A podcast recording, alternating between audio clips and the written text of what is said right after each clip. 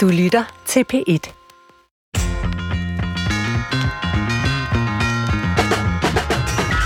Jeg drak for meget i går.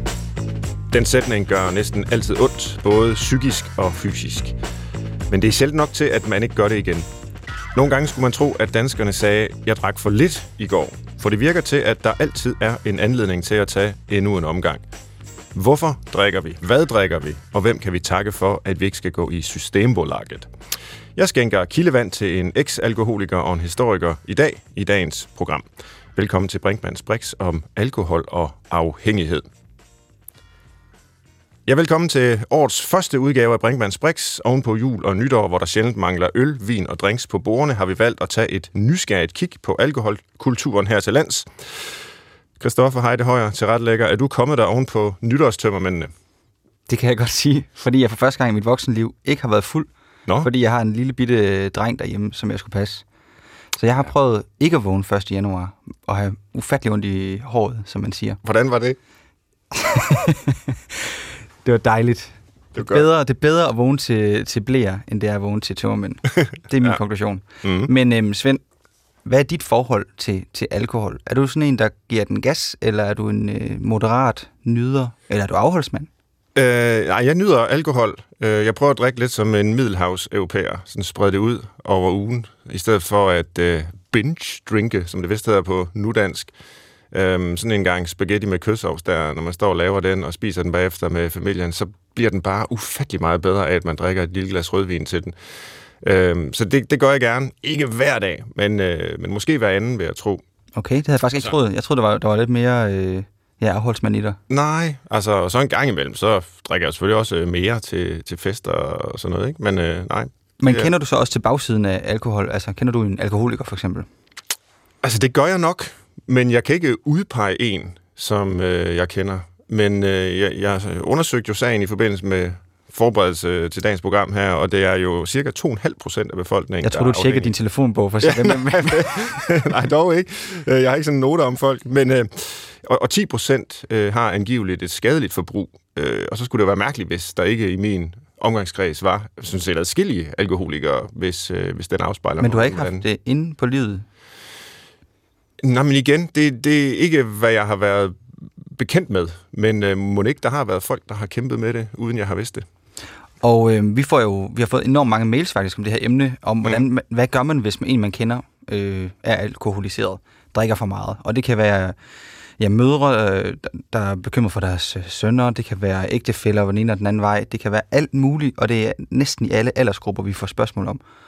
Hvorfor tror du, at alkohol er så udbredt i Danmark? Det, det påstår jeg nu, det er. Ja, men det er det da. Altså, vi ved jo, nu var det så statistikkerne før, fra hvor mange, der var afhængige og, Mm. og havde et, et, et, øh, noget, der minder om et misbrug. Ikke? Men, øh, men vi ved jo også bare, at vi drikker utrolig meget. Vi drikker utrolig tidligt. Øh, vores børn Ja. og unge drikker meget mere end øh, stort set alle andre lande, vi kan sammenligne os med. Og øh, ja, nu har vi jo så sagkundskaben med i dag, der forhåbentlig kan gøre os klogere på det. Øh, så jeg ved ikke, om jeg skal hvad kan man sige, kloge mig i mine amatøranalyser, men, men øh, vi bliver jo sådan lidt betragtet, hvis vi ser i forhold til vores øh, nordiske naboer, som jo ellers ligner os på rigtig mange områder, men som lige hvad al- alkohol angår, har jo en helt anden øh, kultur og en helt anden politik. Der bliver vi jo lidt betragtet som sådan nogle øh, latinoer, øh, som, øh, som fester og, og giver den gas, og, og det, bliver jo sådan, det bliver vi jo ved med at bekræfte det øh, image, hvis man kan sige det sådan, ikke? Når, når de nye generationer skal igennem det overgangsritual, der er øh, forbundet med at blive fuld første gang og, og sådan noget. Og, mm, altså, jo ældre jeg bliver, jo mere på afstand af det, jeg kommer, øh, fordi jeg ikke er ung længere, jo mere tosset ser det ud. Altså, hvad er det Mm. egentlig, vi har gang i der? Jeg, jeg, jeg, vil, jeg synes jo selv altid, det er påfaldende, når man tager til Sverige. Øh, Jeg har en god ven, der bor i Malmø, og så mm. går vi en tur, og så plejer vi, vi har boet sammen i København også, så plejer vi at tage en kiosk, bajer og gå en tur og sætte os på en bænk. Når man gør det i Sverige, alt ligner jo Danmark. Mm. Undtagen udvalget af øl i Ja. kiosken, ikke? Jo. Der, er det, der skal du på systembolaget. Og hvis du vil købe en øl, så er det en dårlig prips, der har næsten ingen alkoholprocent, og man sidder som dansker og bliver helt forarvet og tænker, hvad er det for et samfund, det her? De har jo slet ikke nogen livsnydelse, de har slet ikke nogen adgang til, til frihed. Nej. Kender du det?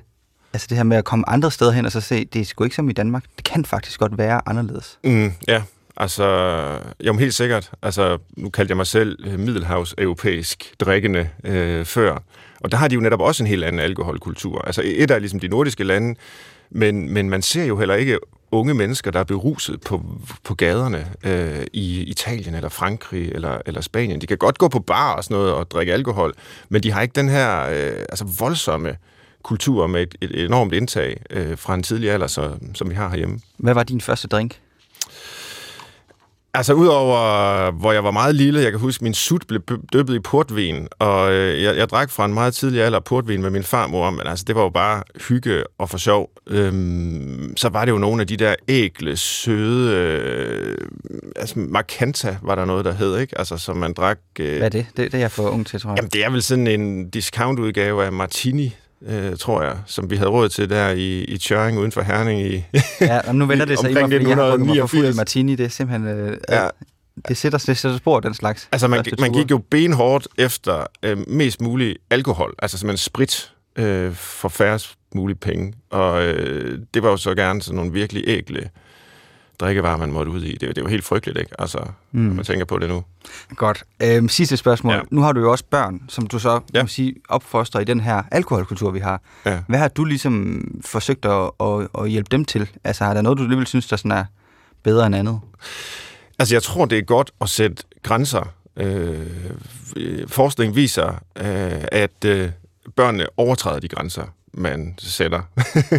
det viser erfaringen også. Men hvis man sætter en grænse, så drikker de mindre, end hvis man ikke sætter en grænse. Og hvis man sætter en relativt lav grænse, øh, du må drikke, hvad ved jeg, tre øl, så drikker de måske fem. Hvis man siger, at du må drikke øh, seks øl, så drikker de måske otte, og så videre. Øh, så, så det er godt at tale med dem om det, og det er godt at sætte nogle grænser. Øh, men så synes jeg også, altså mine børn, altså, de drikker mindre, end jeg selv gjorde. Øh, okay. Nu den, den yngste er, er for lille til for alvor at være i gang, eller i det hele taget at være i gang, og de to andre går i gymnasiet, og de drikker helt... Den ene er nærmest det stedet afholdsmand, ikke? Og, og den okay. anden øh, kan godt lide at drikke, men øh, det, det er mindre, end da jeg selv gik i gymnasiet. Det synes jeg er godt. Afgjort.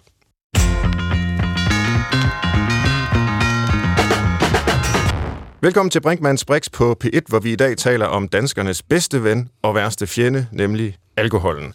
Og med mig er Christian Ditlev Jensen, Velkommen til, Christian. Tak. Du er præst øh, på Anholdt. Ja. Og blandt andet forfatter her til bogen Bar, som jeg er i gang med at læse, og som er en øh, virkelig øh, både sjov og rørende og, og tragisk og alt muligt andet. Øh, men jeg er kun halvvejs i den, så vi skal ikke øh, tale om, hvordan den ender, fordi det, jeg skal læse resten af den her i eftermiddag.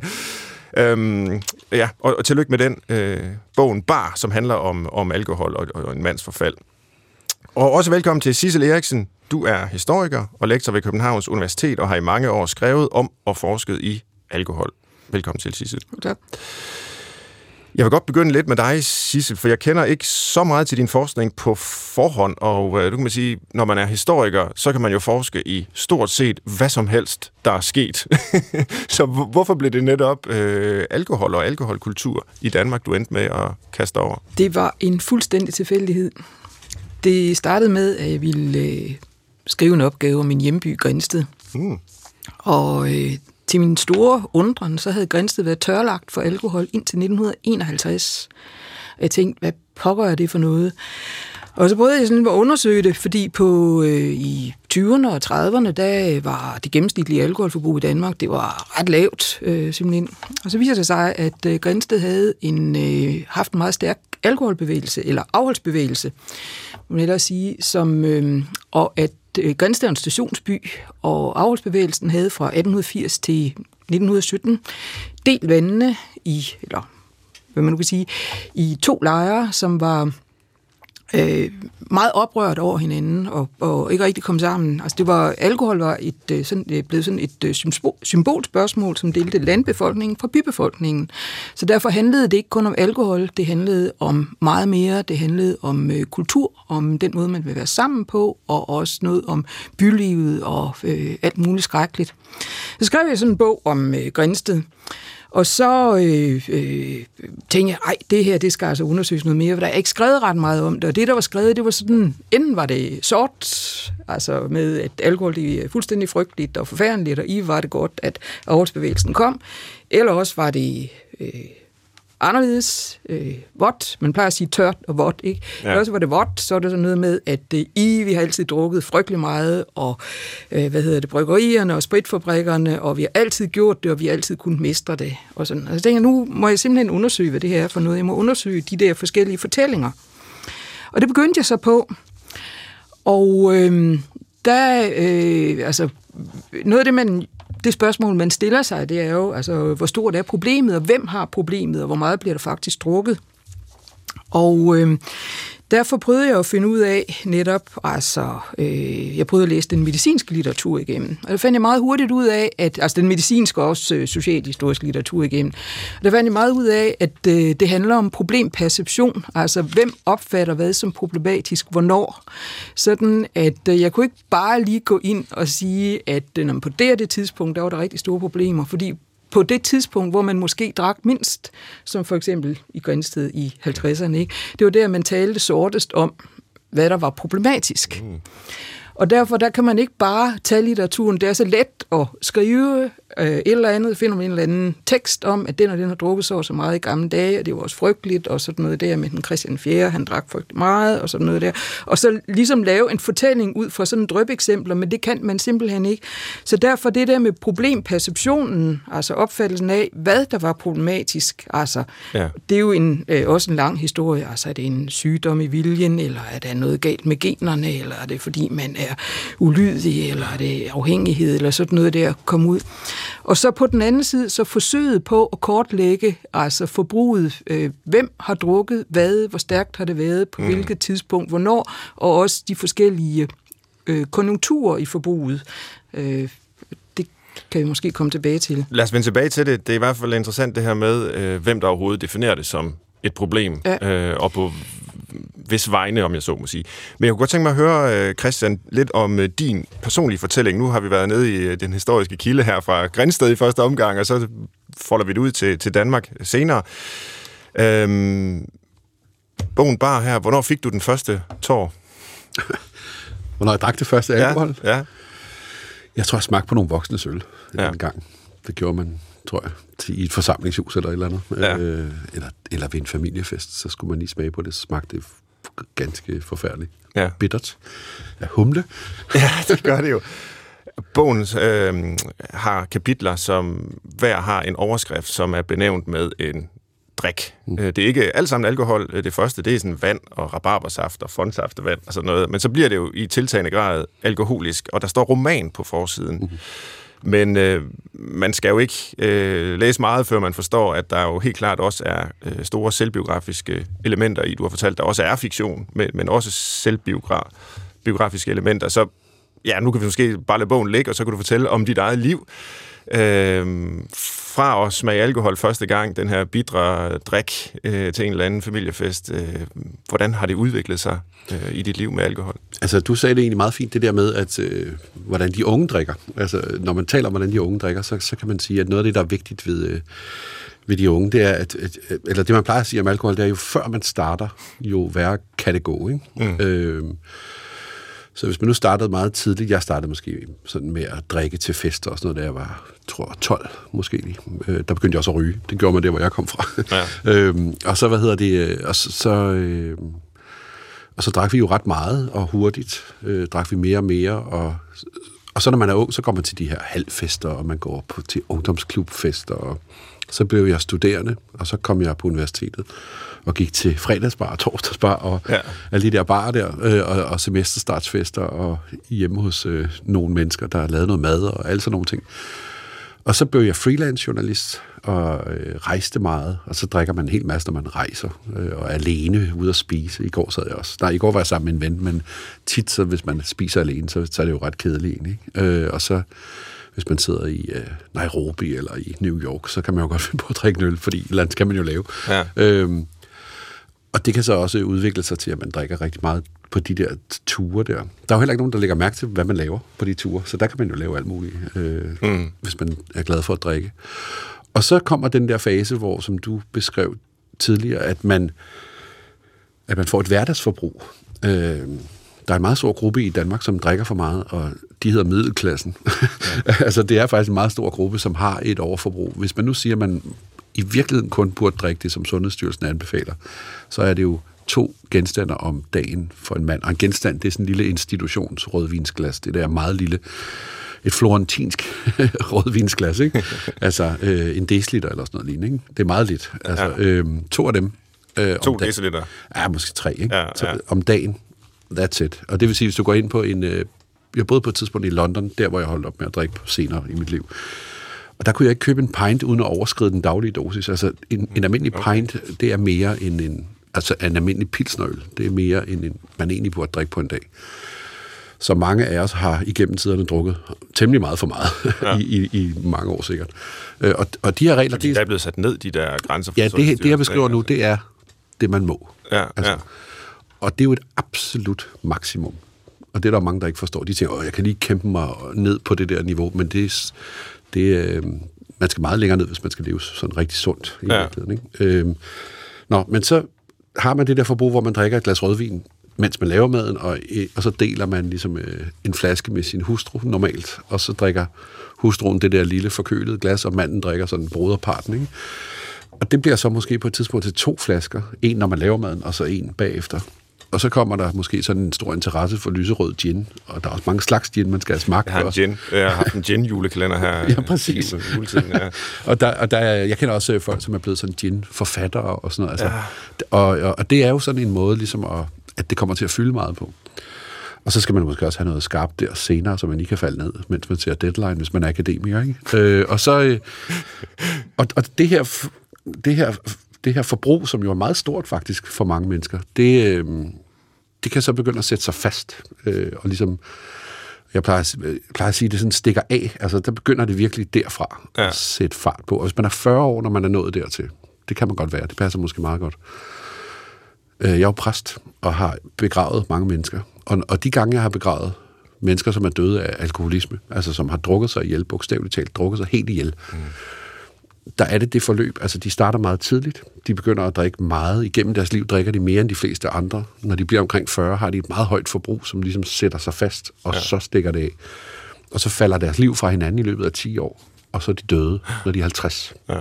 Og det der 50, det er meget gennemgående, det jeg har set. Nu taler jeg sådan helt, og, helt transparent, objektivt om det, jeg har oplevet. Ja. Jeg kan simpelthen se, at de mennesker, jeg har begravet, som er døde af alkoholisme, de er blevet omkring 50, 49, 48, 51. Ja. Øhm. Men, det, men det er jo sådan en helt almen, øh, kan man sige, det rut nærmest, du beskriver ja, her, ja. altså liv med alkohol, hvordan det i stigende grad bliver øh, mere og mere. Ja. Men, men sådan har dit liv jo ikke været. Du er her jo heldigvis Nej, endnu. Ja, så, så det, jeg var, øh, da jeg var 39, tror jeg. Øh, nej, jeg var faktisk lige fyldt 40. Så besluttede jeg mig for, at... Øh, at det var stuk, der var det stukket helt af for mig. Og der havde jeg drukket alt for meget i mange år, faktisk. Øh, og så tænkte jeg, nu skal jeg simpelthen gøre et eller andet. Og så opsøgte jeg noget hjælp. Øh, og det er ikke sådan lige til, hvis man går til læge. Jeg kan huske, jeg gik op til en læge, som sagde, kan du ikke bare drikke i weekenden? Altså, okay. det må være en af de mest inkompetente læger, jeg nogensinde har hørt om. Men ja. det var faktisk det svar, jeg fik. Og en anden gang talte jeg med en anden læge, som sagde, kan du ikke prøve at tælle lidt, hvor meget du drikker? Altså ligesom, lad nu være at gøre et problem ud af det, og så videre. Ikke? Altså, og det var altså på et tidspunkt, hvor jeg selv synes, det var et meget stort problem. Øhm, og så, så tænker jeg mig simpelthen... Hvad var det, der gjorde, du synes, det var et problem? Jamen, det var, det var egentlig den måde, man definerer alkoholisme på normalt. Det er, at det er noget, der har en negativ indvirkning på ens arbejdsliv, ens ja. familieliv, ens... Altså sådan, og det havde en negativ indvirkning på alt. Jo. Det har jo en negativ indvirkning på simpelthen alt overhovedet. Mm. Og det opdager man, når man står midt i det, at, at øh, nu har man svært ved at passe sine forpligtelser, og nu får man en meget dårlig økonomi, og ens øh, kærester synes, man er en idiot, og altså, ens familie synes ikke, det er sjovt at holde jul på den måde, og så videre. Og så på et tidspunkt tænker jeg bare, nu må jeg simpelthen gøre et eller andet. Øh, og så opsøgte jeg en privat behandler, sådan en alkoholcoach, øh, som viser sig at være enormt øh, dygtig, øh, simpelthen slet og ret dygtig, og jeg har mødt mange mennesker, som faktisk har haft held med at holde op med at drikke, som har været hos lige den behandler. Han er simpelthen meget dygtig. Øh, og hvad hedder det... Øh, og han, øh, han lavede en ting, som jeg, som jeg synes er simpelthen så sjov at snakke om, fordi han lavede en... Øh, han havde sådan en, en, en taktik, som gik ud på, at han sagde til folk, at han kunne få dem til at drikke moderat. Og det er simpelthen den store hede drøm, når man er alkoholiker. Det er, at man kan begynde at drikke ligesom Svend Brinkmann. altså et lille glas rødvin til maden. Sådan ja. lidt elegant, ikke? Ja, ja. sådan, lidt, sådan lidt en levemand, der ligesom sådan, ikke bare pastasauce, også lige et glas rødvin, ikke? Sådan, så det lige løfter det hele lidt, sådan, så man ikke har sådan et meningsløst liv, ikke? Øhm, og det er det, man drømmer om, og, nu, og der har man jo været engang, men så er det bare blevet til to-tre flasker i stedet for et lille glas. Og så vil man så gerne ned på det der niveau igen, og det er altså nogle, sådan nogle biologiske og kemiske årsager til, at det er meget, meget svært. Mm. Og så, så det er det, folk godt vil høre. Og så og de er jo i det, der hedder benægtelse, ikke? eller fornægtelse. Så de kan, har svært ved at erkende problemet. Og så, så hvis man ligesom siger til dem, du kan drikke moderat, så vil de gerne være med. Og det ville jeg også gerne. Det lød bare vildt godt, det der projekt. Og så skulle jeg bare lade være at drikke i tre måneder. og så gjorde jeg så det. Og det var jeg nødt til, for at vi kunne komme hen til det punkt, hvor vi kunne snakke om, hvordan man drak moderat. Ja. Og så da vi nåede derhen, så var der egentlig kommet så meget selverkendelse og ro på og klarhed og så videre, at han bare stille og roligt kunne sige til mig, du kan godt selv se det, ikke? Altså, du skal jo ikke drikke moderat. Nej. Det forbrug, du har haft, og med den måde, det har udviklet sig på, og den risiko, du løber ved at prøve at eksperimentere med det igen og sådan noget, så er det, så er, så er det gode valg nok at lade helt være. Ja. Altså, og så sagde han, øh, vi kan prøve, vi kan godt vide, om, øh, om det går godt, hvis du starter igen. Jeg ved godt, hvad jeg sætter mine penge på. Ja. Og det var altså en meget hård øh, dom. Men det var faktisk ham, der på et tidspunkt sagde, meget, meget tankevækkende. Øh, der er en psykolog, der hedder Jelinek, som har beskrevet meget, meget præcist, hvordan en alkoholikers derut er. Og han viste mig sådan en planche af den her øh, derut, og så sagde han, der er ligesom to muligheder. Den ene er, at du holder op med at drikke, og så kan du få et almindeligt liv, eller måske et godt liv faktisk, med en hustru og nogle børn og et godt arbejde og sådan noget. Øh, en dejlig fritidsinteresse, et eller andet. Øh, eller så kan du blive ved, og så bliver det altså den her meget velbeskrevne derut, mm. som er sådan en... Øh, det, man i sporten kalder downhill i æggestilling øh, på ski. Ikke? Øh, det er sådan virkelig ned ad bakke. Ikke? Ja. Øhm, og, øh, og der er sådan helt velbeskrevet, altså man går mere og mere i opløsning, man får psykiatriske problemstillinger, man får fysiske, der er nogle bestemte kraftformer, der knytter sig til alkoholisme, der er forskellige former for alkoholdemens, der kan sætte mm. ind. Øh, der er sådan noget, man får den der lille top med over de tynde ben, ikke? der er alle de der synlige tegn på alkoholisme. Øh, og så til sidst, så bliver man øh, bisat øh, af en præst. Øhm, og, og da han sagde det til mig, der er ligesom de her to muligheder. Der kan jeg bare huske, at jeg tænkte, så må jeg jo træffe et valg. Altså, og der var det jo sådan et stort eksistentielt valg i virkeligheden. Ikke? Ja. Tør jeg i virkeligheden løbe nogle risiko? Og så turde jeg simpelthen. Jeg var faktisk bange for at dø, tror jeg. Ja. Altså helt sådan bogstaveligt talt, det her kommer ikke til at gå godt. Øh, og min erfaring siger mig jo nu, at det havde jeg nok ret i, faktisk. Træf det rigtige valg. Og så kan man sige, for lige at runde af, at, øh, at så sad jeg som forfatter kort tid efter, altså måske et år efter, eller sådan, og tænkte, nej, ikke et år efter, måske tre år efter, så sad jeg sådan og tænkte, hold op, tænk, jeg havde truffet det andet valg. Altså, hvordan ville det egentlig se ud? Og så tænker jeg, hvis jeg nu forestiller mig, at det her holder jeg til at dø, at jeg aldrig drikker noget igen, og får et godt liv. Hvordan ville det liv så have set ud, hvis jeg faktisk var blevet ved med at drikke? Mm. Og, det, og så tænker jeg bare, det var sådan en vildt fascinerende tanke. Altså, hvor, hvor var jeg gået hen? Hvad havde jeg drukket? Hvem havde været sammen med? Hvilken sørgelig etværelses lejlighed i et eller andet boligkvarter havde siddet i. Fordi vores alkoholikere i Danmark, de sidder jo derhjemme. Ja. Øh, der er sådan et begreb, der hedder sofadruk. Det er sådan et godt udtryk. Hvor man sidder derhjemme med en pose nede fra supermarkedet og, og drikker det, man skal hver dag. Ikke? Og så falder man om, og så går man ned næste formiddag med sit, som en sagde til mig, et drankernet. Det synes jeg var sådan et godt ord. Det er, sådan, ja. det er den der klistrede stofpose med brugte øh, med tomme flasker. Ikke? Og det er det tankeeksperiment, du leger med? Ja, det er så foldet ud i den her roman, ja. hvor jeg ligesom har sagt, noget af det er selvbiografisk. Hvordan, drik, hvordan drikker vi i Danmark? Hvordan drak jeg? Og så der, hvor jeg står af, så kører hovedpersonen videre. Og derfor har jeg for sjov skyld givet hovedpersonen mit helt eget fulde navn. Ja. Altså, og der er altså nogle mennesker, der er vendt tilbage og, og sagde, at de var nødt til at google forfatteren bagefter for at se, om, øh, om, om det, der stod i bogen, passede. altså, ja. øhm, Men i dag, drikker du overhovedet? Nu? Øh, jeg døber min oblat. Så jeg, jeg, okay. jeg kan ikke sige, at jeg aldrig har drukket en dråbe, for Nej, jeg døber min oblat. Men kun en dråbe ja. ad gangen, kan man sige. Ja. ja. Jeg drikker jeg, ikke noget. Jeg vender mig lidt imod dig igen, Sissel, øh, fordi før fik vi lige en kort smagsprøve på dit arbejde, øhm, og det var meget med fokus på Grænsted. Men hvis du skal prøve, og det er selvfølgelig et meget øh, stort spørgsmål, hvordan vi har fået opbygget den alkoholkultur, vi har i, i Danmark i, i dag, og nu har vi så fået øh, førstehånds... Øh, fortællinger om den fra, fra Christian. Altså, skal vi helt tilbage til vikingerne, eller hvis skyld er det, at vi drikker så meget i forhold til alle mulige andre? Altså, vi har forskellige fortællinger om, om det, og ja. øh, den der vikingfortælling, det er jo... Altså, der er en tør fortælling, og der er en våd fortælling. Og hvis man er til den våde fortælling, ikke, så starter man med vikingerne, og så siger man, at vi har altid drukket, og øh, øh, hvad hedder det, har altid gjort det, og altid gjort det godt, og øh, vi har sjældent problemer. Den øh, tørre fortælling siger jo, at, øh, eller holder sig til nogle facts, og siger, at der har været store svingninger i forbruget. Og der øh, er det jo meget tydeligt, at øh, i 1917, der får vi en øh, meget kraftig, på grund af afholdsbevægelsen, meget kraftig øh, øh, brændevinsbeskatning, mm-hmm. samtidig med, at vi får kraftige, øh, kraftige reduktion, eller reduktioner i, øh, øh, udskænkning af alkohol. Man får afholdsbeværtninger, hvor man ikke må udskænke øh, alkohol, der er mere end øh, 2,25 procent øh, øh, styrke. Og øh, så derfor i øh, 20'erne og 30'erne og 40'erne og langt op i 50'erne, som, der har Danmark faktisk haft et øh, temmelig lavt alkoholforbrug meget lavere end det svenske. Ja. Fordi danskerne indførte en brændevinsbeskatning og indkasserede så overskuddet af det til velfærdsløsninger, altså øh, øh, skatten steg, eller prisen 11 dobledes fra den ene dag til den anden, og blev så fastholdt øh, øh, i løbet af, altså inden 1920.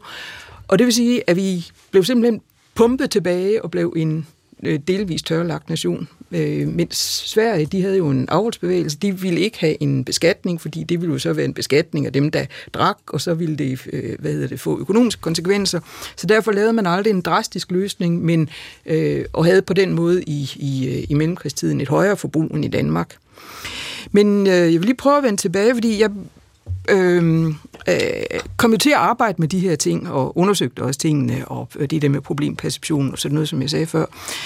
Og øhm, øh, i 1990'erne, der kom jeg ind i sådan et øh, forskningsmiljø, Øh, altså jeg skrev en PhD om øh, alkoholspørgsmålet, og jeg kom ind i et øh, forskningsmiljø, øh, også et internationalt forskningsmiljø, som øh, selvfølgelig var inspireret af WHO, fordi, eller WHO, som øh, altså øh, alkohol var et, det blev opfattet som et, øh, hvad skal vi sige, sådan en øh, global øh, sundhedsrisiko, og øh, øh WHO arbejder jo meget med øh, epidemiologisk øh, øh, øh, altså, hvad hedder det, helseforskning, og derfor også med epidemiologisk øh, øh, øh, hvad hedder det, øh, social- og helseforskning.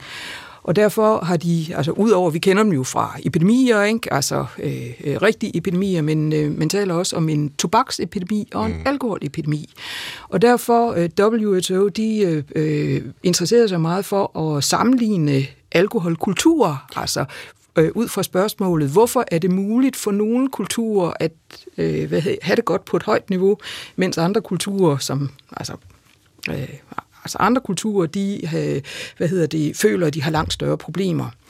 Og der kom jeg meget hurtigt ind øh, med en øh, sammenligning med Danmark og Sverige. Altså, hvorfor er der den der forskel?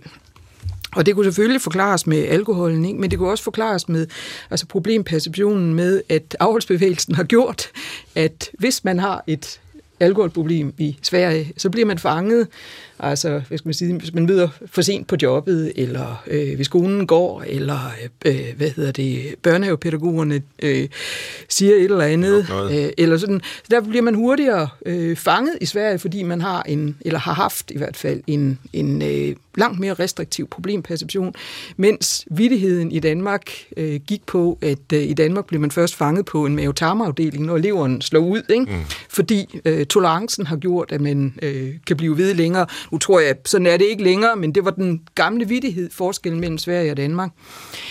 Men øh, det var det, der var min... Øh, det var det, der var min øh, indgang til det. Og så øh, handler det jo så om, altså, at øh, er det vores fortælling om alkoholen, som i virkeligheden gør, at, øh, altså, at vi kunne øh, øh, øh altså, øh, at vi har en så fri og løslukket alkoholkultur, eller er det fordi, vi faktisk øh, øh, har det? Og der øh, har jeg her på det seneste, der har jeg øh, kigget meget på, på øh, den stigning, der sker efter 1950'erne, fordi hvor kommer den, og hvad er det for nogle, man kan både sige, hvad er det for nogle, hvad er det for nogle, øh, hvad er det for en speeder, der sættes på, og hvad er det for en, øh, hvilke bremsemekanismer virker, virker ikke. Og øh, der har det været ret interessant, fordi øh, i 1970'erne, der, øh, eller i løbet af 1900, altså i løbet af 1970'erne, der stiger, øh, øh, der, øh, stiger alkoholforbruget temmelig kraftigt, og det er primært båret af øl. Vi får faktisk en øh, tredobling af ølforbruget i løbet af 1970'erne. Og det er, det er jo, samtidig, hvor vinen også især... det er nemlig, altså efter 73 kommer vi ind i EU og, ja. og vender os samtidig med til, til vin, og, og vi får også, øh, altså kan man sige, brændevinen afløses så af snapsen, og der er jo hele den der diskussion med, om brændevinen skulle være billigere end whisky eller sådan et eller andet, men det er fortrinsvis øllet, der trækker øh, læset der i løbet af af øh, 60'erne og 70'erne, og det skyldes jo også velstandsstigningen, mm. og det skyldes også, at øh, hvad hedder det, den restriktion, vi har haft med øh, med høj beskatning, at øh, værdien af den ligesom falder, sådan at alle kan bruge det, og så er det netop, at øl det bliver en øh, hverdagsdrik, og øh, det nyder folk jo også, fordi det er jo velstand, og man opfatter det som et øh, almindeligt konsumtionsgode. Og øh, jeg kunne tænke mig at spørge, fordi selvfølgelig sætter vi fokus i dag på øh, de negative konsekvenser ved øh, afhængigheden, og hvis vi når det, kunne vi også tale om, nu nævnte du, øh, Sissel, altså WHO, øh, hvordan der også har været en diskussion øh, med hensyn til, jamen, skal det være en, en psykiatrisk lidelse at være afhængig af alkohol, eller er det mere en moralsk brist, eller hvad er det overhovedet for noget? Men den tror jeg lige, vi, vi parkerer forløbig. Øh, men, men jeg kunne også godt tænke mig, at vi bare rundede øh, eventuelle positive sider ved alkoholen. Altså, så vidt jeg ved, så kommer ordet alkohol af det arabiske ah, ahol eller sådan noget, og betyder vist nok øh, åndfuldhed. Ikke? Altså ligesom spiritus jo er, er ånden, ikke? og ånden løftes øh, ved indtagelse af, af alkohol, i hvert fald til et vist øh, niveau. Og du har også i din bog, Christian, altså, du eksperimenterer blandt andet, eller hovedpersonen skulle jeg sige, eksperimenterer med at skrive øh, i beruset tilstand, og det går rigtig godt, indtil han så læser det dagen efter, hvad det var, han skrev. Men, men det er jo også myten om den her skabende kunstner, øh, som når nogle højder via alkohol, øh, som øh, han eller hun ellers ikke øh, kunne have nået. Altså det, det, det skal vi vel have med. Altså, hvad alkohol kan vel også noget. Det kan bringe folk sammen. Det kan bruges øh, hyggeligt. Altså, jeg tænker på Olsenbanden, ikke? der altid fejrer øh, Egons løsladelse, og øh, det er kuppet der, der skal planlægges øh, hjemme ved Yvonne, med, med øl på bordet, der Sissel fortalte før. Ikke? Altså, både øh, festen, beruselsen, altså, det, det, det, det, det kan jo noget. Ja, altså det er jo ligesom skydevåben, ikke? Man kan forsvare sig med dem, men man kan også angribe folk. Ja. Altså det, det er sådan en gammel amerikansk øh, måde at sige det på. Øh, og jeg synes, det er... Altså jeg er helt enig med... Øh, med Søren, øh, ikke Søren, men Thomas Winterberg, i, altså, som har lavet druk, altså, ja. hvor, hvor han sagde i alle interviewsene, da den kom frem, at, at der er ligesom de to sider, og, de, og vi kan ikke tage den ene væk, så at sige. Øh, jeg synes, det, som er interessant ved det, det er, at, øh, at det er ligesom... Øh, altså, jeg har jo holdt op med at drikke. Øh, men hvis man nu havde en spiseforstyrrelse, så, så kunne man jo ikke holde op med at spise. altså, øh, og det er lidt det samme med alkohol. Altså, at, at hvis man er inde i den kultur, hvor der bliver drukket, så, så, øh, så er man inde i den kultur, og den rummer begge dele. Altså, der, der er... Øh, nu har vi talt om alkoholisme som sådan, men der er også noget, der hedder alkoholmisbrug, som jeg fik defineret på et tidspunkt af den der alkoholterapeut, jeg gik hos, og han forklarede på den måde, at der, hvis man har en fase, hvor man drikker alt for meget, og så holder op igen, og ikke, det ikke ligesom bider på en, så er det det, man kalder alkoholmisbrug. Altså, mm. en af mine venner, han blev skilt på et tidspunkt, så drak han virkelig meget i et halvt år, og så holdt han op med det igen. Øh, og det, det er sådan en klassisk alkoholmisbrug, altså hvor man bruger det til selvmedicinering mod, ja. mod en depression, dybest set, en, en eksistentiel depression. Og så, hvad hedder det, øh, og så går det over, depressionen går lidt over, og så drikker man lidt mindre igen. Så, så, så på den måde findes det som noget negativt også, ikke? Der, der kan være der. Og så er der den der meget negative, hvor det bryder ud i løs lue, som alkoholisme, og måske også, som Sissel siger, sådan noget med, der kan være nogle genetiske dispositioner, der kan være nogle moralske brister, der kan være forskellige ting, der gør, det sætter, sætter rigtig af. Øhm, og det mærkelige er, synes jeg, at det har begge dele, og vi kender det jo faktisk i sådan en miniformat, netop fra nytårsaften for eksempel, ja. som jo starter øh, med sådan en lille aperitif, øh, og, og, et, og er noget så hyggeligt, når man står med, og dronning Margrethe fumler med papirerne i baggrunden osv. Og, og det er jo fantastisk, og vi elsker det alle sammen, og så kommer maden, og det passer til maden, som du sagde tidligere, det er en gastronomisk og kulinarisk ting at drikke noget passende vin til, eller øl til, øh, til maden, og så kommer der noget lidt festligere senere, ikke? og så kommer der sådan det løsluppende, vi begynder at at lave MeToo, og øh, hvad hedder det, og begynder sådan at danse med hinanden og sådan noget. Og så, og så efter det kommer der så øh, de, de der sådan, så meget store åndfuldheder, der kommer til sidst på aftenen, ikke? hvor man sidder og siger, at vi altid har været venner, og begynder at slås måske, og begynder at gå i seng med hinanden, øh, med nogen, vi ikke skulle gå i seng med, og alle de der ting, hvor det hele er sådan hæmningsløst. Øh, og hvis, og hvis det så virkelig fortsætter, øh, så kan man ikke huske, hvad der skete mere. Men det var noget med Hongkong nede i Nyhavn, når man fik bank eller et eller andet, og så vågner man næste dag. Det er jo hele det forløb. det er jo alt det gode, alt det festlige, alt det løslukkende, det hæmningsløse, det, op, det opløsende i den positive forstand, og så er det den der, så knækker kurven på et eller andet tidspunkt, og så begynder det at blive halvgrimt, og man kaster op, og, og det er jo alt det negative, og forgiftningen, og, og så videre, og så den der øh, kliniske forgiftning dagen efter, hvor øh, alt kører på, på, hvad hedder det, på, altså alt er i fuldstændig kroppen er i sådan et desperat forsøg på at rense sig selv ud, og så videre, og ingen mennesker, selv når de taler med sådan en professionel som mig, gider lytte til det, som er det gode råd, som er, drik noget mere.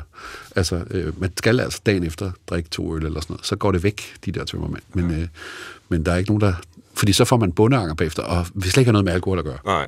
men i virkeligheden skulle man lige tage en skarp. Altså, og det er ret sjovt. Ja. Men det er sådan den kemiske side af det, ikke? Jo, det er rent øh, det er en kemisk måde at hjælpe på. Jeg kunne tænke mig at høre dig, Sissel, om du har kigget på, øhm, hvordan man i tidens løb har set på hjælpen Altså, hvordan øh, forskellige øh, epoker ligesom har tænkt om problemet. Øh, det er jo meget det, du har været inde på med den her problemperception. Har der i det også ligget forskellige syn på, hvordan man hjælper øh, alkoholikeren? Hjælper man bedst ved at sende vedkommende til præst, eller ved at sende vedkommende på en, en klinik, eller øh, er det noget med, at man skal opbygge viljestyrke og løse det øh, selv? Jamen derfor, altså, der har været mange forskellige faser ja. i det der. Ikke? Altså, øh, hvis man siger, at det er en svaghed i viljen, ikke, så skal viljen styrkes. Ikke? Ja. Hvis det er sådan, man siger, at det er en forbrydelse, ikke, så skal vedkommende straffes. Ikke? Eller hvis man siger, at det er en sygdom, så skal vedkommende behandles for sygdommen. Ja. Hvis man siger, at det er... Og det, altså, der har jo været forskellige bølger, og de glider delvis ind i hinanden. Hvis man siger, at det er noget genetisk, så kan man ligesom sige, så er der ikke rigtig noget at gøre ved det, så bliver man nødt til at behandle individet, eller at øh, det enkelte individ bliver nødt til at lave restriktioner for sig selv.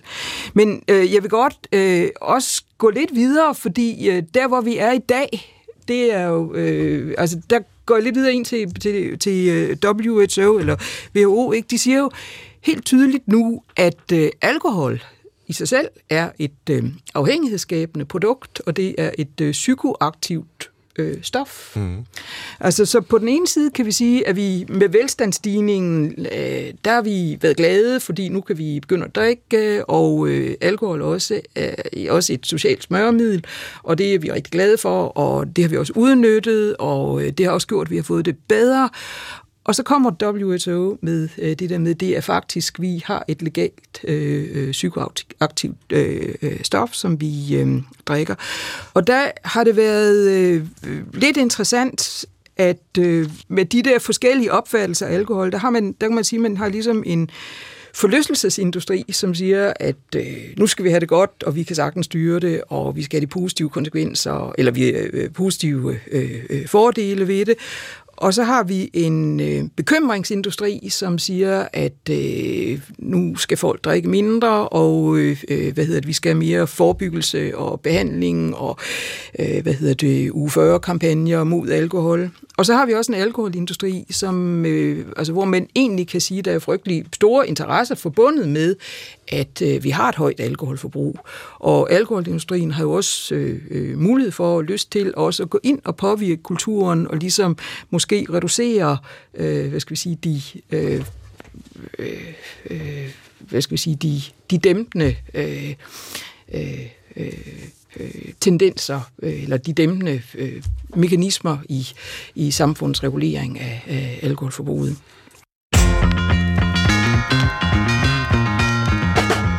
Du lytter til Brinkmanns Brix øh, i dag med Christian Ditlev Jensen, der er præst og forfatter, og øh, Sissel Eriksen, som er historiker og lektor ved Københavns Universitet. Og vi taler om alkohol og alkoholens betydning for os på godt og nok især ondt.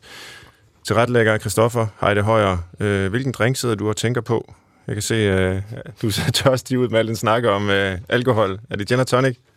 Nej, ja, den har jeg nemlig fået for meget af engang, så okay. den, er, den hænger lidt i halsen. Ja. Jeg vil sige, at måske sour kunne være dejligt, men nu er vi jo i, her i, januar og skal være lidt mere restriktiv. Ja. Men jeg kunne godt tænke mig at spørge lidt ind til det her med øh, det personlige ansvar. Fordi vi kan helt klart godt tale de store øh, historiske tendenser den ene og den anden vej, men Christian, hvordan opfatter du det selv, det her med, at som du sagde, det var et valg, du skulle tage? at drikke eller ikke at drikke, og du gik selv til lægen og sagde, jeg skal, jeg skal bruge hjælp. Altså, hvordan opfatter du det, dit eget ansvar i det, i den her alkoholkultur? Jeg tror lidt, også fordi vi er i sådan en velfærdskultur, hvor man har deponeret meget af sit personlige ansvar i velfærdsstaten. Altså, vi sad lige og talte om nu, øh, hvordan, øh, hvordan samfundet har set på det her og så videre, og man kan jo også bare se det som et helt frit valg. Altså, man må jo mm-hmm. selv om, hvad man gør. Øh, en af Svends øh, børn drikker stort set ikke noget. Øh, det er der nogen, der er ret mange unge mennesker faktisk, der slet ikke er interesseret i at drikke noget. Det er ligesom en anden måde at leve på, hvor de siger, jeg vil hellere dyrke sport eller et eller andet. Og noget, som er en af de meget store kulturelle forskelle omkring det her, det synes jeg er, når man ser til udlandet. Altså, der er cirka 50 procent af den italienske befolkning, der aldrig nogensinde drikker alkohol. Det er meget, meget overraskende, når man er dansker at høre. Og det samme gælder faktisk for næsten alle andre lande i Europa, altså for Spanien og Frankrig og Tyskland. Og vi kender det jo godt, når man kommer til... Jeg kan huske en af de ting, jeg oplevede. Jeg var holdt op med at drikke, og så var jeg på øh, en fin restaurant i København, og så havde de en vinmenu, og så sagde jeg, jeg drikker ikke noget. Nej, så kan du få dansk vand og Coke Zero, ikke? Mm. Og det var bare ikke så godt til det der øh, laks og hvad vi skulle have. Øhm, og så kom jeg til Tyskland på en tostjernet Michelin-restaurant, og så sagde jeg, jeg drikker ikke alkohol. Nej, vil du så ikke have vores øh, saftmenu? Mm. Øh, og det var altså 10 år før, der var saftmenuer i, i Skandinavien, ikke? Og, og, og det men var det er fordi, trods alt kommet nu mange steder. De er kommet mange steder nu, ja. men det var simpelthen fordi en meget stor del af befolkningen er overhovedet ikke interesseret i alkohol. Og, og, og det er jo fordi, at man i Tyskland for eksempel har det, der hedder körper kultur, hvor man i gamle dage var nudistbader og sådan noget, ikke? og der var advarselsskilte på strandene, hvor der stod tekstilstrand, hvis, øh, hvis man kunne risikere at møde en påklædt. Øhm, og, og, og, den, og det er jo sådan et frit valg. Vil du være nudist, eller vil du have badebukser på? Vil du øh, drikke en, øh, en kæmpestor øh, München-øl på 3 liter, eller vil du have en, øh, en, en øh, mineralvasser? Altså, det må du selv vælge. Og det kunne vi jo godt genindføre i Danmark. Det helt frie valg, hvor man ligesom opdrager sine børn for de små til at sige, jamen hvad har du lyst til? Altså, hvad, hvordan vil du have det? Du behøver ikke gøre det samme som alle de andre. Og jeg ved ikke, om Sissel har en forklaring på det, men noget af det, som slår mig som meget specielt ved dansk eller måske skandinavisk måde at ligesom drikke alkohol på, det er det der fælles. At der, er sådan, der skal være fælles fodslag og så videre. Øh, jeg hørte engang en, en sjov forklaring på, hvorfor det hedder at udbringe en skål. Det var simpelthen, fordi man havde brændevin i en skål i gamle dage, og bragte den ud fra køkkenet, og så drak alle af den, og så bragte man den ud i køkkenet igen. Så man udbringer en skål fra køkkenet mm. med brændevin i. Og den der fællesskab, der er, man kan forestille sig, at der bliver kørt sådan en rundt ved bordet, og så der siger Birger med et oldnordisk navn, nej tak, jeg vil ikke øh, have noget af det her vikingeritual. Øhm, og det skaber jo altså øh, et problem. Og man er også den kedelige, hvis man ikke drikker. Ikke? Så sidder man der og spytter i sin dansk vand, i stedet for at være med. Det er så ligesom den følelse, ja. folk har. Øhm, det, har man, det mærker man tydeligt, når man ikke drikker i hvert fald, indtil man bare bliver ligeglad og siger, jeg drikker bare ikke så Det er interessant det der med, hvis vi har sådan en monokulturel omgang med alkohol i sammenligning med andre lande, altså øh, Tyskland, Italien, de, de eksempler, du nævner, altså der kan man faktisk vælge mellem forskellige typer af øh, alkohol. Altså i, i Danmark, der er man virkelig the odd one out, ja. hvis man ikke drikker. Jeg opdagede det faktisk, fordi at jeg, at jeg var på ferie i Italien, og så havde jeg skrevet en lille, lille Facebook-opslag, hvor jeg skrev, at jeg sad og drak en Crodino, som er sådan en lille øh, alkoholfri øh, øh, aperitif, som, øh, som er sådan bitter, meget bitter. Den er lige så, næsten lige så bitter som ørevoks. Den er virkelig bitter. Og, så, og den drikker man med, øh, med isterninger og en citronskive og sådan noget. Ikke? Og så og så skrev jeg, den, så skrev jeg sådan et, et lille sådan, øh, rosende opslag om, hvor var det fint, man kunne få sådan en, når man ikke drikker alkohol. Og så var der en italiensk, eller en dansker, jeg kender, der bor i Italien, hun skrev til mig, du skal huske, du også kan vælge mellem den og den og den og den. Så kom der alle mulige navne, og så sagde jeg, hvorfor i verden har de så mange af dem uden alkohol? Og så sagde hun, jamen det er fordi, de, øh, de unge kører på scooter. Og det var sådan, de blev opfundet, sådan, så man ikke kørte galt, øh, så man ikke drak og kørte scooter samtidig. Men, og så, så var det hende, der sagde, men det hænger jo også sammen med, at halvdelen af befolkningen aldrig drikker. Og der kan jeg huske, at jeg googlede min computer halvt i stykker, fordi jeg tænkte, det kan simpelthen ikke passe. Men det er faktisk rigtigt. Og det, øh, jeg ved ikke, hvad forklaringen er, men det er ret interessant. Jamen, jamen, og det er jo, det er jo jeg synes, det er godt, at du siger, det er, det er et ansvar, man kan tage, og det, det burde være op til et frit valg. Men når man er øh, 13-14 år, og som du selv siger, bliver præsenteret for det, så er det måske det mest fristende valg. Og det er det, man nok kommer til at have på. Det var også det, du gjorde, og det tog så øh, overhånd på et tidspunkt. Hvordan placerer man det ansvar hos den unge generation, som jeg er dem, der begynder at drikke, og som du siger, jo tidligere... Jeg jo tror, man skal er. introducere simpelthen muligheden for ikke at drikke. Altså, som en reel mulighed. Altså, ligesom, Men når nu vi alle sammen drikker, ja, det så er det jo det, der er fællesskabet. Ja, og det er også det, man ser og så videre, men derfor kan man måske også gøre sådan et nummer ud af, ligesom man har en mulig anden form for mangfoldighed, så kan man godt gøre et nummer ud af, at der var noget til dem, der ikke drak. Altså sådan i noget andet end børnesodavand, ikke? Til, til, øh, til kaviaren. Øh, et eller andet form for spændende saft, eller et eller andet sådan halløj. Øhm, jeg synes, det, det, jeg skulle lige huske at sige, at det bedste eksempel, jeg kender, det er, hvis man pludselig begynder at rejse i USA. Så bliver man inviteret ud på en drink med nogen. Og så tænker man, hvad skal jeg gøre, for jeg drikker ikke. Men det er ikke det, en drink betyder. Det betyder bare, at det ikke er et måltid.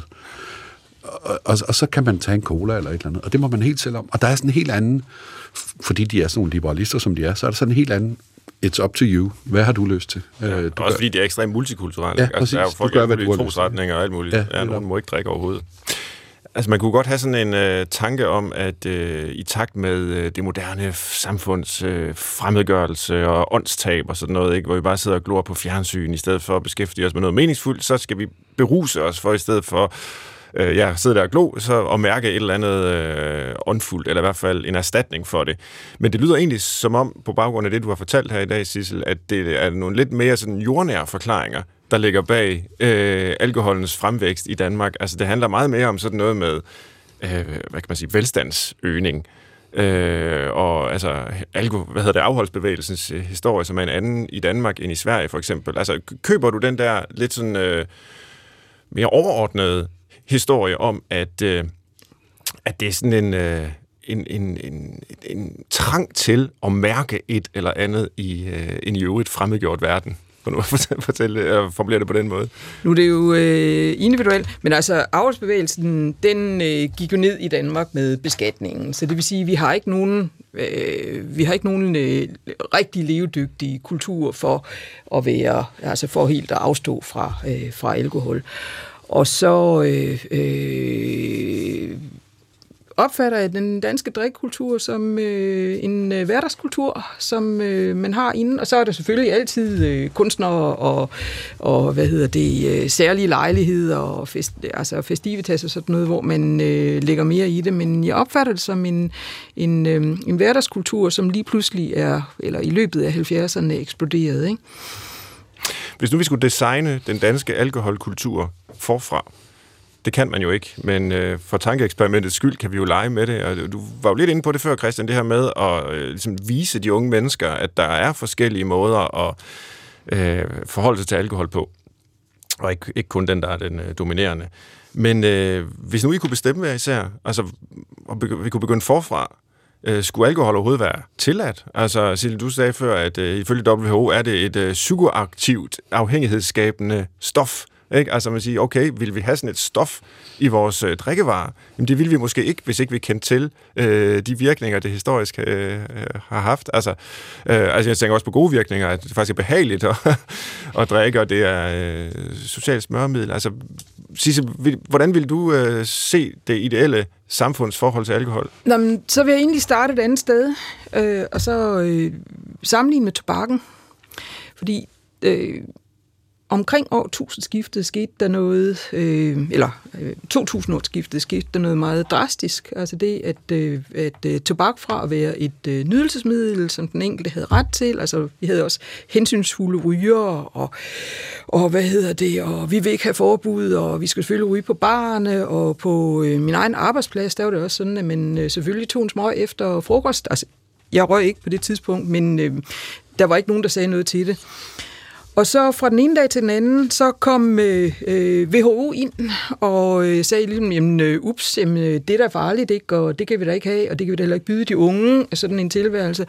Og så sagde man, at det var øh, der var noget, der hed passiv rygning, og derfor, hvis man, øh, altså hvis øh, øh børnene skulle have en ordentlig opvækst og sådan noget, så handlede det om, at man simpelthen stoppede det der, ikke?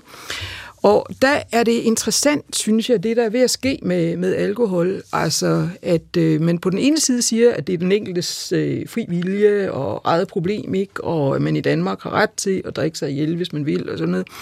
Men øh, øh, inspireret af WHO, ikke, der har vi fået det der, der hedder harm to others. Altså, det er jo ikke bare ligesom passiv rygning, nu vil jeg sige passiv drikning, det er jo ikke altså, i sagens natur, så kan det jo ikke lade sig gøre, ikke? men altså, harm to others, det er jo det der med, altså, øh, for pokker, hvad er det lige, der sker med de pårørende? Ikke? Altså, der er selvfølgelig det der med øh, graviditet og alkohol og fetalt alkoholforbrug, eller øh, øh, øh, øh, fetalt alkoholsyndrom, altså med, med øh, for, altså fosterskader, ikke? men hvad lige med børn, og hvad lige med ægteskabet? Og så er der også det der med, med øh, trafik, og øh, altså, det er jo også noget med, at øh, man godt kan altså, ja.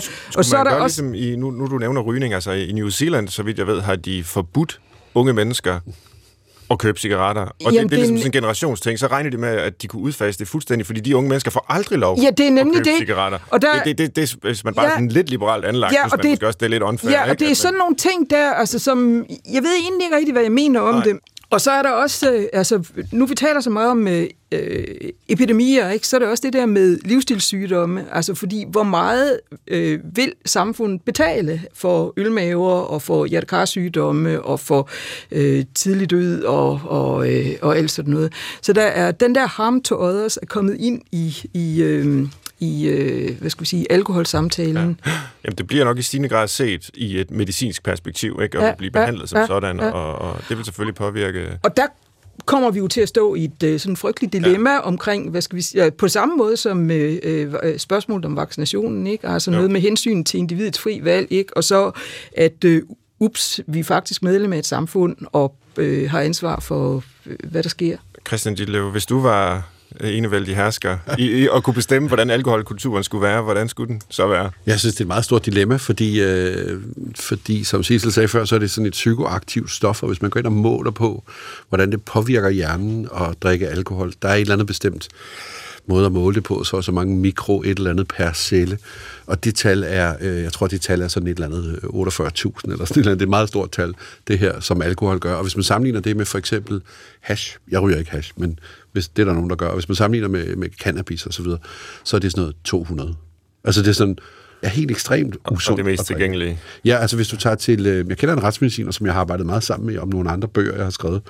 Og han fortalte mig på et tidspunkt, at hvis man tager til Ibiza og drikker hjernen ud med shots, helt vildt, ikke? altså sådan 40 shots øh, om dagen i fire dage, eller til Roskilde. Roskilde Festivalen er et godt eksempel på det. Hvis man så falder ned af en stol og brækker halsen, fordi man er en idiot, og så skal obduceres som 22-årig, efter man har været på Ibiza eller Roskilde, så har man en fedtlever svarende til en begyndende alkoholikers øh, lever. Og det får man på fire dage. Det går, altså organforandringer ved alkohol er meget ekstreme. Det er et ekstremt giftigt stof, og derfor er der jo også mange, der siger, at hvis det bliver opfundet i dag, så vil man bare forbyde det. Ja. Øhm, det er den ene ting. Den anden ting, jeg godt kunne tænke mig at sige, som jeg har oplevet i de sidste 10 år, og som jeg i øvrigt også oplevede de første 12 år af mit liv, man kan jo leve et ret skønt liv uden alkohol. Det er, der simpelthen, det er simpelthen bare vedtaget, at der skal være alkohol, men alle børn ved jo godt, at man kan holde en vild børnefødselsdag, man skal bare spise nok sukker. øh, så kan man få en fest uden lige. Ikke? Høj, øh, høj øh, musik og øh, flag og sådan noget. Så, og, og så når man bliver lidt ældre, så siger den her retsmediciner, jeg kender, at vi skulle hellere introducere kærlighed. Altså, man skal kysse en hel masse drenge og piger, og, øh, og, og gå ind på et værelse og lukke døren og gøre alt muligt, og så gå ud igen. Øh, I vores dage kan man jo beskytte sig mod ting og sådan noget. Ikke? Altså, øh, ja. Man skal bare blive forelsket hele tiden, fordi det er egentlig det. Når man er i alkoholbehandling, så får man at vide, at man skal høre musik. Det kan give lidt det samme i, i lystcentret og hjernen, og det kan give den samme følelse af, at man ligesom øh, bliver sådan filosoferende og, og tænksom og flad og meditativ og sådan nogle ting, som man, er noget af det, som nogle alkoholikere opnår ved at drikke. Hvis de er sedentive alkoholikere, hedder det, så sidder man ned på en barstol og tænker over livet og drikker sig, indtil man falder sidelæns. Øh, så hvad hedder det, der er mange muligheder, og så synes jeg, at, at, at, øhm, at der er en meget interessant fænomen ved alkohol, som er det, du lidt henter til, når du snakker om den der øh, bolognese med, øh, eller ragu, hvis det skal være fint, med noget, øh, med noget god rødvin til fra Italien. Altså, det, det, det er jo en bestemt måde at forstå det på. Hvis man ser på det kemiske eller medicinsk, så er det jo noget opløsningsmiddel i noget dårligt rosaft, der er blevet for gammelt. Øh, og hvis, man, og, men hvis man ser på det kulinarisk, og hvis man ser på det hi- historisk og, og kulturelt, så er det jo også en, øh, en del af vores historie, at vi drikker øh, vin af, af, af hensyn til smagen og af hensyn til beruselsen også. Og vi havde engang sådan en sjov møde inde på Berlingske Tidene, der var livsstilsjournalist, hvor der var en redaktør, som sagde til vores vinanmelder, kunne du ikke skrive, øh, kunne du ikke skrive en artikel om, hvor sundt det er at drikke vin for hjertet og, og kredsløbet. Der havde lige været nogle artikler der i 90'erne om det. Ja. Og så siger den her... Det vil man rigtig gerne tro på. Det. Ja, præcis. ja, nemlig. Og så siger den her gamle, gamle hvad hedder det, øhm, øh, vinjournalist, øh, en kvinde, hun, hun siger, nej, det vil jeg virkelig ikke skrive en artikel om. Men jeg vil godt skrive en artikel om, at i de sidste 5.000 år har mennesker drukket alkohol, fordi det er sjovt, og fordi det smager helt vildt godt. Hmm. Det vil jeg gerne skrive en artikel om. Men det andet der, det er jo sådan noget nymodens øh, forsøg på at retfærdiggøre et misbrug. Altså. Ja. Og, og det synes jeg jo er interessant, at man har et stof, som er helt vildt skadeligt, hvis man drikker for meget af det, og som er fuldstændig forførende, øh, hvis man behandler det ordentligt. Og mit svar på spørgsmålet om, hvis man nu kunne starte forfra, det er så faktisk det, som du startede med at sige, nemlig, giv, der var nogen, der havde lært mig, da jeg var en stor teenager, at man kun må drikke som en florentiner. Det lærte jeg nemlig engang. Et lille, et lille ja. bitte glas, til, et mikroskopisk glas til hver ret, og, hvor man smager, hvor godt det smager. En form for smagsforstærker. Og hvis man beder om lidt ekstra vin, så skal man straks være skeptisk, fordi så har man et problem. Det er faktisk et uh, rigtig godt råd til vores uh, lyttere, og der har været lidt at tænke over. Ingen af jer har sagt direkte, at uh, alkohol skal forbydes, men uh, der har bestemt været noget at tænke over. Vores aller sidste lille element er programmets traditionsrige liste, hvor vi vender op og ned på uh, alle de uh, jo uh, sande og korrekte ting, der er blevet sagt, og i dag vil jeg høre, om I kan give tre gode råd til at blive alkoholiker. Hvordan gør man, hvis man skal i gang med det? Christian Ditlev Jensen, du er måske den, der har øh, den største erfaring med det. Jamen, man skal bare lave et meget stort forbrug. Altså, det er det, det går ud på. Øh, så det gælder om hele tiden at se, hvor meget man kan drikke. Om ikke man kan drikke lidt mere. Ligesom når man begynder at ryge, hvor man først ryger tre cigaretter, så konkurrerer man om, hvem man kan komme op på fire. Øh, det kan jeg huske, vi gjorde, da jeg begyndte at ryge. Øh, til sidst kunne man komme helt op på fem, hvis man var psykopat. Altså, og så galt det om at komme højere og højere op, og til sidst så kommer man op på 20, og så må man ikke komme højere. Nej. Det er den ene ting. Den anden ting, det er, at en af de gode ting ved alkoholiker, det er, at... Øh, at man kan få den der, øh, altså man kan blive fri for at gå i terapi. Man kan blive fri for at få den der forløsning og den der frihed, man søger på alle mulige virkelig dødssyge måder, for eksempel hos psykologer og, sådan noget, og hos præster og sådan noget. Man kan egentlig bare drikke hele sin tilværelse væk og få den frihed på den måde, fordi man kan blive fri for sin kæreste, man kan blive fri for sin familie, sin, sine, sine penge kan man blive fri for, man kan blive fri for sin åndssvage krop, man kan blive fri for alting. Altså, man kan, det er sådan helt befriende. Ja, øhm, og til sidst kan man blive fri for sit liv i det hele taget. Ja, det er jo så den sidste, som er, at Sartre sagde jo, at helvede, det er de andre. Ja. Og man kan blive virkelig, virkelig ensom af at drikke for meget. Så hvis man vil være fri for de andre, så skal man bare drikke sig halvt ihjel. Eller helt ihjel. Jeg ved ikke, om du har noget for til øh, listen, Sissel? Jo, det har jeg. Jeg har også tænkt på, at hvis man er træt af familie og nære venner, så øh, drik. Man kan også sige, at hvis man er bekymret over arbejdsløsheden i øh, social- og behandlingsindustrien, ikke, så øh, øh, kan man bidrage. Og så den sidste, nu er det jo satire, ikke? Altså hvis man øh, øh, vil støtte forskning og videnskab, så skal man øh, støtte Carlsbergfondet, for øh, det er jo storforbrugerne, der betaler. Det er faktisk en, en, en rigtig god grund, men det er måske også den eneste. Der er Jamen, også andre måder at gøre det på. Ja, det er der også heldigvis. Øh, ja. ja, hvad kan man sige? Alkohol løser alt, bortset fra vores problemer. Tusind tak øh, for, at de kom. Christian Ditlev Jensen, præst og forfatter, senest til bogen Bar, øh, som i høj grad handler om alkohol, og til Sissel Eriksen, historiker og lektor ved Københavns Universitet, hvor du i mange år har skrevet om og forsket i alkoholkultur. Det var, hvad vi nåede i dag, og øh, her øh, vil vi sige tak. Vores lille redaktion, bestående af tilrettelægger Christoffer Heide Højer og jeg, Svend Brinkmann, vil også invitere jer lyttere til at skrive til programmet. Det er rigtig dygtige til. Vores øh, e-mailadresse er brinkmannsbrix.dr.dk og vi er i gang med et nyt år, og der er masser af nye programmer, vi skal have planlagt, så byd endelig ind med forslag. Jeg håber, vi høres ved i næste uge. Tak for nu.